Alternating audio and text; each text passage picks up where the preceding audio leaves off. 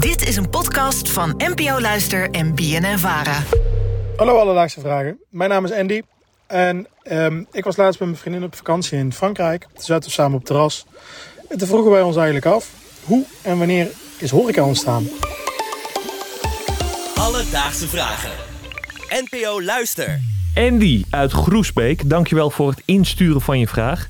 Ja, Merel, eh, als vervent horecabezoeker is deze vraag natuurlijk precies in jouw straatje. Ja, je weet uh, dat ik hier meteen heel enthousiast over uh, werd toen hij binnenkwam. Ja, nou, ik, uh, ik wil niet op de zaken vooruitlopen, maar ik vond het ook een hele leuke aflevering om uit te zoeken. Ja, dat snap ik. Een beetje geschiedenis, een beetje bier, nou, dat wil ik nog meer. Ja, maar jij bent in mijn, wat ik van jou weet, helemaal niet per se een groot verbruiker van de etablissementen. Dat noem je, die dat horeca zeg je heel mooi. Die de horeca kent. nee, niet he heel regelmatig, maar af en toe. Zeker gezellig. Klein cafeetje. Klein cafeetje. Hotelletje in Groningen. Noem maar op. Heerlijk. Om de vraag van Andy uit te zoeken nam ik contact op met Janna Komans. Uh, zij is professor aan de Universiteit van Utrecht en weet als onderzoeker alles van het publieke leven in de middeleeuwen. Dus Janna, hoe lang bestaat de horeca al? De horeca bestaat echt al ontzettend lang. Eigenlijk zodra je, je, steden hebt, en dat is dus al ver voor het jaar nul, zijn er groepen mensen die uh, uh, naar plekken gaan om daar te eten en te drinken buiten hun eigen huis. En je moet ook bedenken dat steden, waar dan ook ter wereld en wanneer ook ter wereld, nooit allemaal hun eigen voedsel kunnen verbouwen. Dus er is altijd import van voedsel en plekken waar je dat kan kopen. De simpele antwoord is eigenlijk dat zodra je steden hebt of zelfs kleinere nederzettingen, dat je al enige vorm van horeca hebt. Eerlijk? Dit had ik niet verwacht. Ja, kijk, ik als groot fan had het natuurlijk wel een beetje verwacht. Want ja, ook een klein stadje kan niet uh, zonder een plaatselijke ontmoetingsplek waar nee. je gewoon een koffietje drinkt, een broodje opeet en nog eens even een beetje de, de tamtam uit de straten met elkaar bespreken. Ja, het, het hoort bij het leven. Ja, hoe ver terug moet ik in mijn hoofd halen? Hebben we het echt over Grieken, Romeinen, ja, Grieken, Ottomanen, ja, zeker. Egypte, echt, nou, wat zij zegt, zodra, Adam en Eva.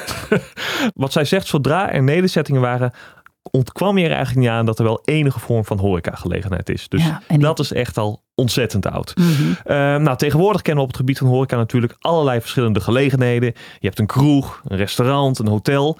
Maar ja, ja zoals het woord zegt eigenlijk, hè? Ja, hotel, inderdaad. restaurant, café. Wie had dat verwacht? Hoe zat dat vroeger? Het onderscheid hè, tussen hotels, uh, restaurants en café, dat is eigenlijk heel erg nieuw. Uh, dus uh, in veel plekken op de wereld vroeger heb je eigenlijk niet zo'n onderscheid. En bijvoorbeeld als je denkt aan de middeleeuwen, dan heb je een herberg waarbij je zowel kan, kan eten en drinken, maar ook kan blijven slapen als je op reis bent.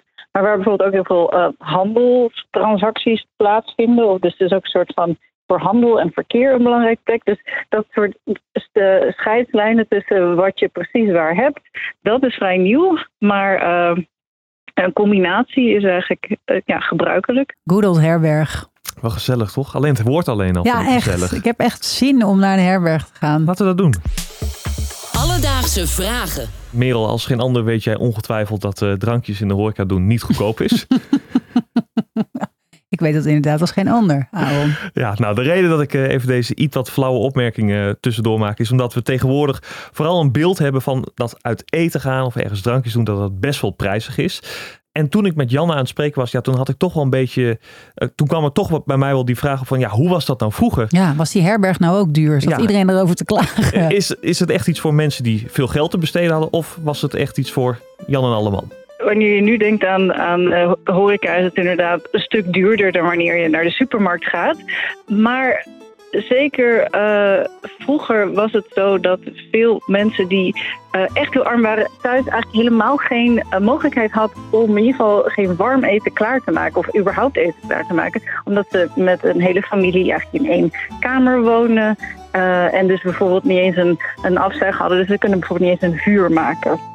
Um, en dat soort mensen werden dus gedwongen om buiten de deur hun warme maaltijd te eten. Dus fastfood, om het zo maar te zeggen, dus dat je gewoon ergens bij een stalletje iets koopt.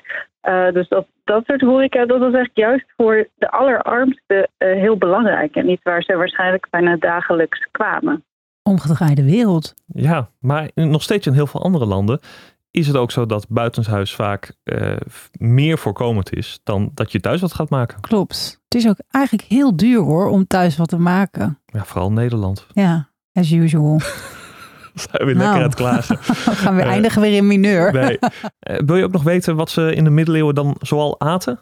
Bij Ik heb honger, ja, kom door in de middeleeuwen staat er al van alles op het menu. Dan moet je vooral denken aan allerlei soorten pastijtjes en hartige taartjes. Maar ook uh, uh, bijvoorbeeld in Parijs heb je al in de 13e eeuw kan je erwtenpuree krijgen.